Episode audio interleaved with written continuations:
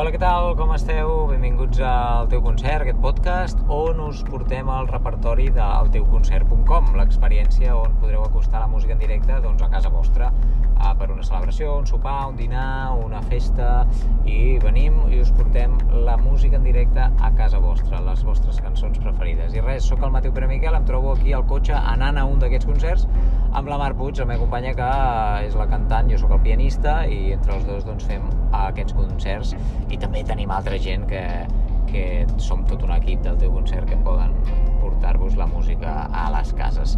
Eh, hola Marc, com estàs? Hola, bon dia, què tal? Com t'has llevat avui? Molt bé, Sí? estupenda. Fantàstic, i estàs a punt pel concert? A puntíssim. Quin repertori farem avui? Avui, ostres, ara me'n recordo, el que han triat. Tenim- és que els deixem triar, vull dir que...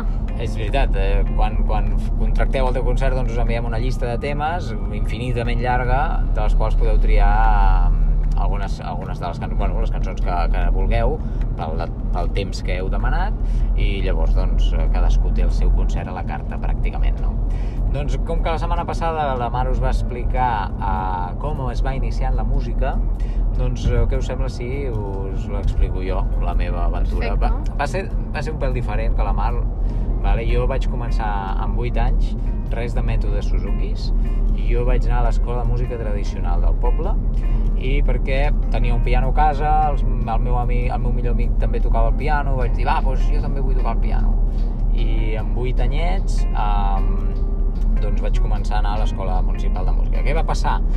Que amb dos anyets més o així, o tres, uh, vaig començar a avorrir molt, perquè uf, jo volia tocar el piano, però havia de fer solfeig, havia de fer harmonia, havia de fer cant coral, havia de passar-me no sé quantes hores a la setmana allà per tocar el piano una hora a la setmana, i francament, pues, vist a ulls d'ara, és molt probable que m'avorrís, I, i sí, em vaig avorrir.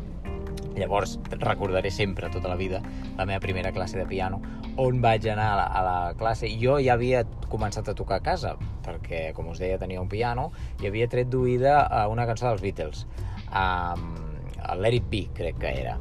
Uh, i, quan arribava a, a la classe de piano una estona abans, doncs em ficava a tocar la cançó del Let It Be perquè, doncs perquè m'agradava, sonava i tal.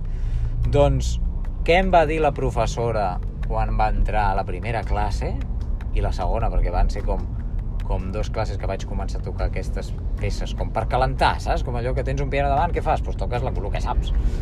Doncs el que em va dir, el primer que em va dir la professora va ser bueno, eh, aquesta cançó millor que, que no la vagis tocant més perquè mm, ho viciaràs i que si els dits i que la posició i que no sé què, vaig pensar o sigui, porto tot un estiu intentant treure d'oïda una cançó que m'agrada i que em sona i ara no la puc tocar més? Per tocar escales majors i quin avorriment. Allò va ser la meva primera va, comencem malament.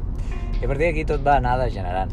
Uh, ho vaig deixar quan vaig tenir quan vaig entrar a l'ESO cap als 11-12 anys vaig deixar el piano um, perquè em suposava moltes hores i un canvi en mi, a la meva vida, a l'adolescència, bueno, el típic.